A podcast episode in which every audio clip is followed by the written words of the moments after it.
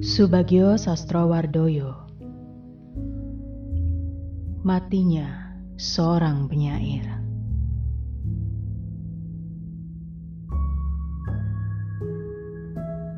Nafas begitu tipis seperti kaca.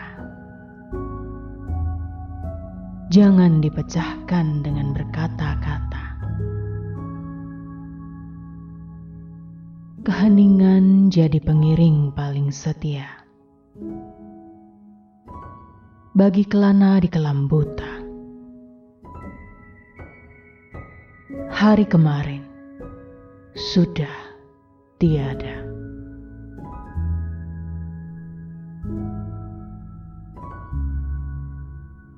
Betapa lama sebelum rela membunuh api kenang menyala. Di luar, keramahan kamar telah terkubur sisa mimpi, hilang nanar. Tanpa sesal, sosok setubuh dengan sepi.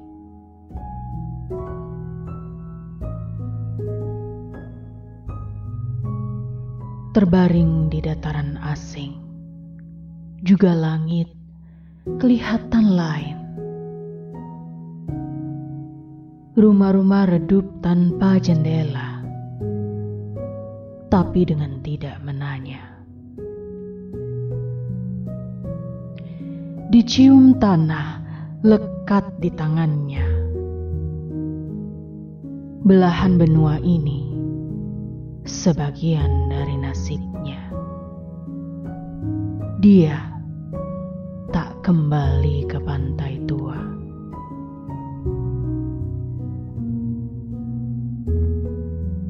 Rindu lama tidak lagi bergejolak. Demam yang diidap sudah reda. Detik, detik kini lebih berarti daripada terus mencari.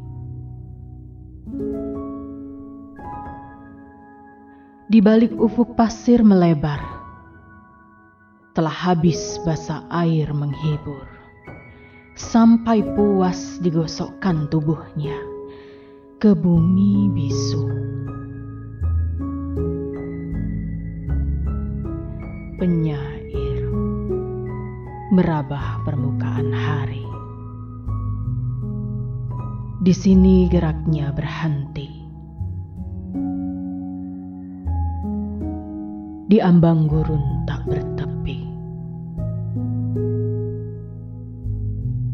Dalam perkawinan dengan sunyi, dia tidak sanggup lagi bernyanyi. Ketika nafas putus mengalir di udara, bergema bekik terakhir.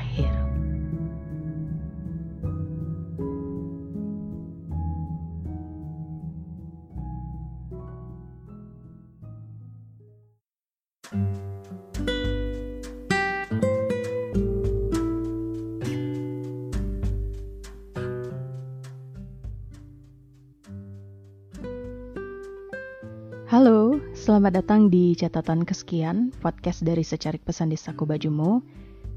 Puisi yang saya bacakan di awal tadi adalah puisi Subagio Sastrowardoyo. Judulnya Matinya Seorang Penyair. Kenapa saya membacakan puisi ini? Karena puisi ini akan ada kaitannya dengan pembahasan kita di episode keempat, yaitu uh, kita akan bahas tentang puisi-puisi yang sudah dibacakan oleh saya di Secarik Pesan di Saku Bajumu sekaligus juga tentang penyairnya. Jadi saya akan menyodorkan trivia, terus catatan-catatan serta pandangan saya sebagai pembaca dari puisi-puisi yang uh, sudah saya bacakan itu. Tema kita kali ini untuk pembahasan soal puisi adalah tentang tema kematian. Jadi uh, kalau misalnya kita baca puisi dari penyair tertentu, kadang kan ada saja tentang uh, tema kematian yang nyelip atau yang dimasukkan unsurnya oleh penyair. Uh, ini menarik sekali karena Secarik Pesan sendiri itu sudah beberapa kali membacakan puisi dengan tema yang serupa. Jadi uh, di episode kita kali ini saya akan fokus ke tema ini dengan mengangkat dua buah puisi. Yang pertama itu dari Subagio Sastrowardoyo dan yang kedua itu adalah Aslan Abidin. Di episode keempat kali ini saya harap uh, pembahasannya juga tidak membosankan uh, dan cukup asik karena saya harap juga teman-teman nanti berinteraksi terutama kalau uh, ada fakta-fakta yang menurut teman-teman itu kurang tepat atau juga ada hal-hal yang bisa ditambahkan itu teman-teman bisa langsung komentar di YouTube kita karena nanti podcast ini akan saya unggah di sana. Juga bisa langsung meluncur ke Instagram di secari pesan di saku bajumu uh, supaya nanti proses ini jadi proses belajar bersama. Oke, langsung saja kita bahas penyair yang pertama yaitu Subagio Sastrowardoyo dalam puisinya yaitu Matinya Seorang Penyair. Pertama-tama kita kenalan dulu sama penyairnya sendiri. Jadi beliau ini adalah seorang cerpenis, juga esais, kritikus sastra, dan penyair Indonesia yang lahir pada 1 Januari 1924, meninggal pada 18 Juli 1995 dalam usia 71 tahun.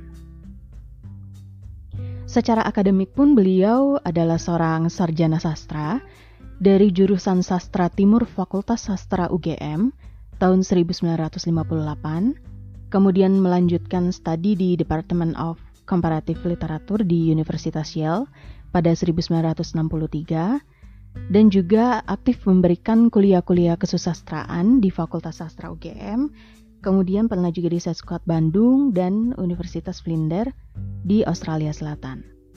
Dengan kata lain, uh, beliau ini adalah penyair yang juga merupakan sosok yang intelektual. Mengenai uh, posisi pentingnya, beliau pernah menduduki posisi sebagai direktur muda penerbitan Balai Pustaka dan bekerja di Dewan Kesenian Jakarta pada tahun 1982 sampai 1984. Nah, beliau ini uh, dimasukkan ke dalam angkatan 66 oleh Habiasin uh, meskipun ya semestinya dari usia atau generasi beliau ini satu generasi dengan uh, penulis Pramudianan Tatur juga uh, penyair Herel Anwar yang uh, merupakan penulis-penulis angkatan tahun 45.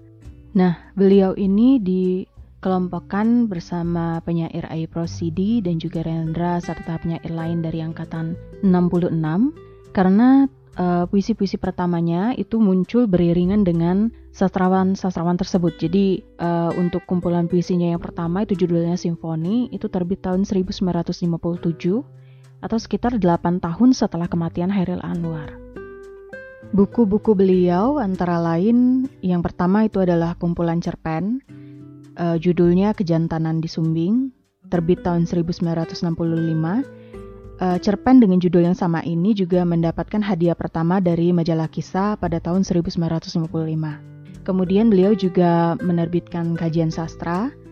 Di antara dua yang paling terkenal itu adalah Sosok Pribadi dalam Sajak, itu terbit tahun 1986 oh sorry 1980 uh, eh, mengandung uh, empat kajian puisi yaitu puisi-puisi yang dibahas puisi dari Hairil Anwar, lalu Sitor Situmorang, Rendra, dan Toto Sudarto Bahtiar. Kemudian buku kajian sastra lain yaitu Sastra Hindia Belanda dan Kita, terbit tahun 1990, membahas sembilan roman Hindia Belanda, dan sempat mendapatkan hadiah sastra dari DKJ pada tahun 1983. Untuk buku kumpulan puisinya sendiri, beliau ini termasuk penyair yang cukup produktif. Jadi beliau sudah menerbitkan yang pertama itu buku puisi judulnya Simfoni, terbit tahun 1957. Lalu juga ada uh, judulnya Daerah Perbatasan, tahun 1970 dan uh, di tahun yang sama itu memenangkan anugerah seni dari pemerintah Republik Indonesia. Lalu buku ketiga ada Keroncong Motinggo tahun 1975 terbitnya, kemudian ada buku harian 1979, Hari dan Hara yang terbit tahun 1982, kemudian di tahun 1986 beliau menerbitkan buku berjudul Simfoni 2 yang tahun 1991 itu mendapatkan anugerah Sea Right Award dari kerajaan Thailand. Lalu yang paling dikenal atau akrab di telinga kita adalah Dan Kematian Makin Akrab yang terbit pada tahun 1995. Sajak dengan judul yang sama ini memenangkan hadiah majalah Horizon untuk sajak-sajak yang dimuat di tahun 1966 sampai 1967. Oke, sekarang kita akan bahas tentang puisi beliau sendiri yang judulnya tadi adalah Matinya Seorang Penyair. Puisi ini ada di kumpulan puisi buku harian uh, yang terbit tahun 1979 uh, dan buku tersebut terdiri atas dua bagian secara garis besar yaitu yang pertama adalah buku harian, kemudian yang kedua adalah sajak sejenak Buku harian sendiri memuat 21 sajak, sementara yang bagian sajak sejenak itu 16 buah sajak. Uh, tebalnya sekitar 64 halaman. Dan fakta yang menarik dari buku ini adalah buku ini ditulis di tiga tempat berbeda, uh, seperti Leiden, Paris, dan Leeuwarden. Ide utama dalam buku tersebut meliputi unsur-unsur yang sifatnya pesimis, um, seperti sapi, rindu pada pertemuan. Kemudian kalau dari puisi matinya seorang penyair sendiri itu soal kegambangan saat kematian, juga ada tentang dosa dan sebagainya dan sebagainya. Nah, kalau dari puisinya itu sendiri kalau kita baca ulang itu seakan-akan penggambaran oleh si naratornya bukan dari si uh, penyairnya sendiri tentang runtut peristiwa dalam situasi di negeri asing dan sendiri tentang perjalanan batin seorang penyair menjelang kematiannya yang kalau menurut saya itu dalam tanda kutip.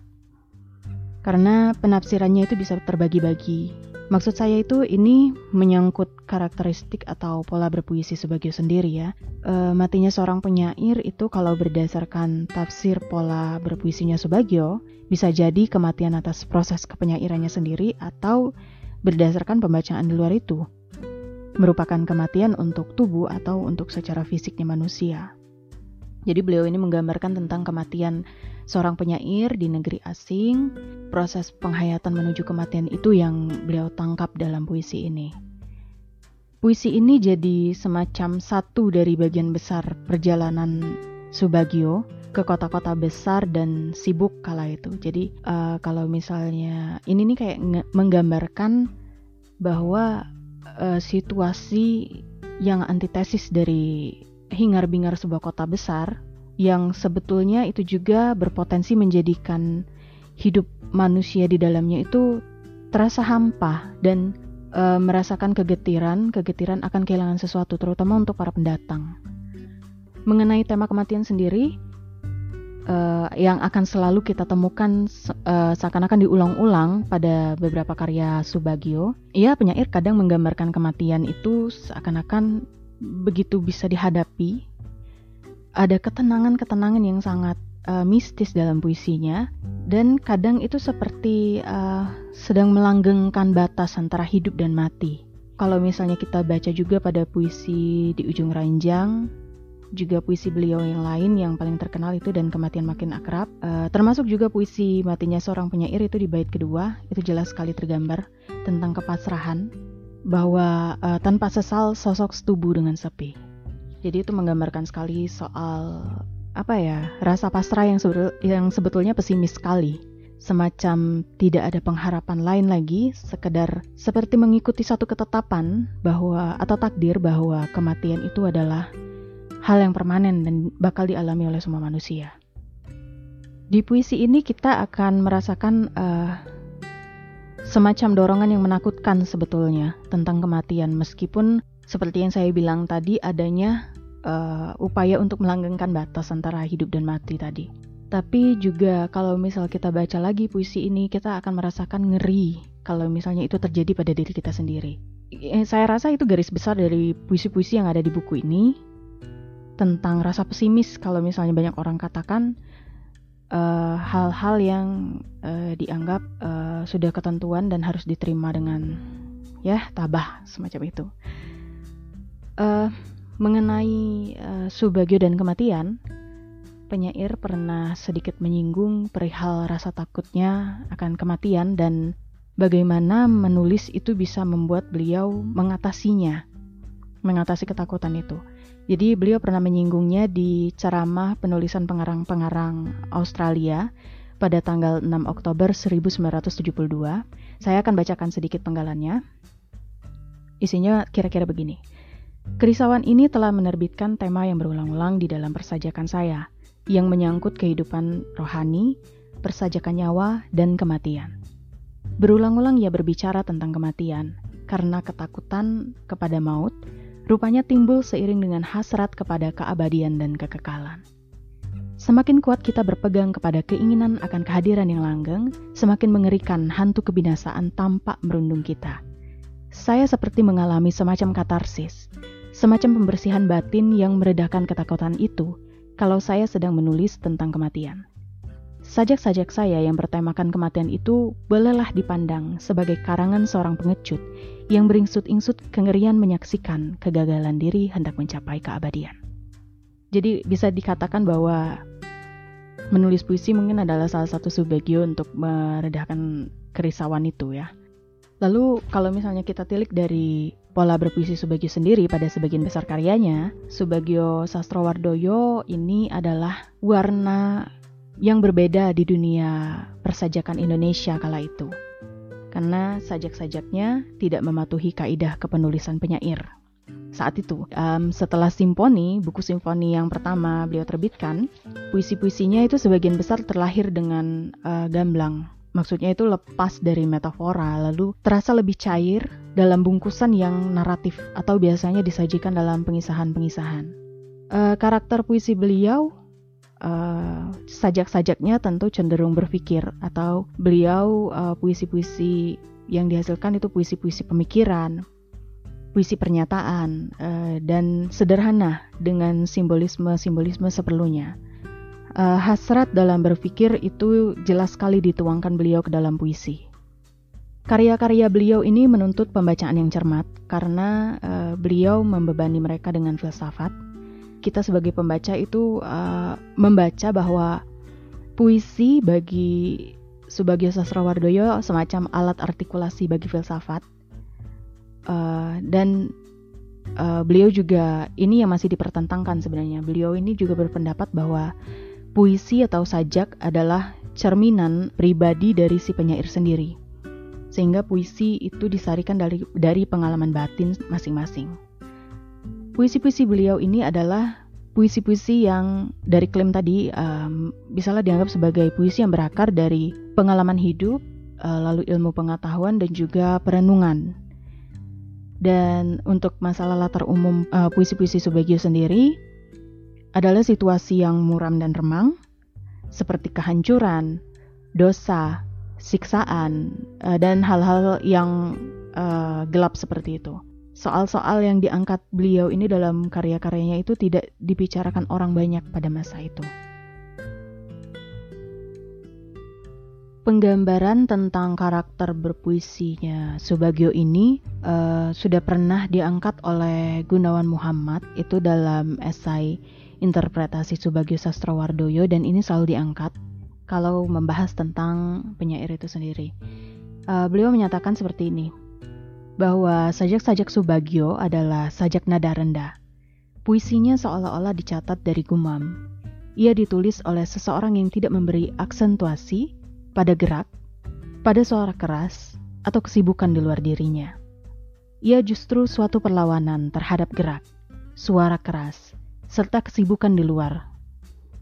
Uh, sebab Subagio Sastrawardoyo memilih diam dan memenangkan diam. Diam di sini uh, maksudnya kita tahu adalah keheningan pribadi yang membutuhkan kedalaman berpikir lewat rasa. Uh, sebagai penutup tentang Subagio Sastrawardoyo, saya akan mengutip satu esai dari Ashraf Bustanir, judulnya Eksistensi dalam sajak-sajak sebagai Sasrawardoyo. Sajak tidak akan pernah lahir bila penyair tidak terlibat dalam suasana emosional pada suatu peristiwa. Sajak terlahir tidak semudah mengucapkan kata, oleh karena itu tidak semua orang bisa menjadi seorang penyair. Bagi penyair sendiri, Melahirkan sebuah sajak sama dengan mengekspresikan suatu kehidupan ke dalam wujud yang abstrak. Dan kadang, kehidupan dalam sajak itu kelihatan nyata sebagaimana adanya. Untuk episode yang keempat ini akan kita akhiri dulu. Di episode kelima nanti saya akan bahas dengan tema yang sama yaitu soal kematian dari penyair uh, Aslan Abidin dari puisi yang pernah saya bacakan di secarik pesan itu judulnya adalah Tak ada yang mencintaimu setulus kematian. Ini puisi yang sangat uh, menarik perhatian saya dan terasa uh, sangat berkesan bagi saya. Oke, sampai jumpa di episode kelima nanti. Um, semoga apa yang saya sampaikan hari ini bermanfaat. Silakan teman-teman tetap uh, jaga kesehatan, tetap pakai masker di mana pun berada, dan uh, jalankan protokol kesehatan yang sudah berlaku, supaya teman-teman tetap update dengan informasi terkini kita. Bisa ikuti kita di Instagram di @secarik pesan di saku bajumu, bisa follow Spotify kita, juga bisa subscribe uh, di YouTube di secarik pesan di saku bajumu. Terima kasih sudah mendengarkan, sampai jumpa di episode kelima.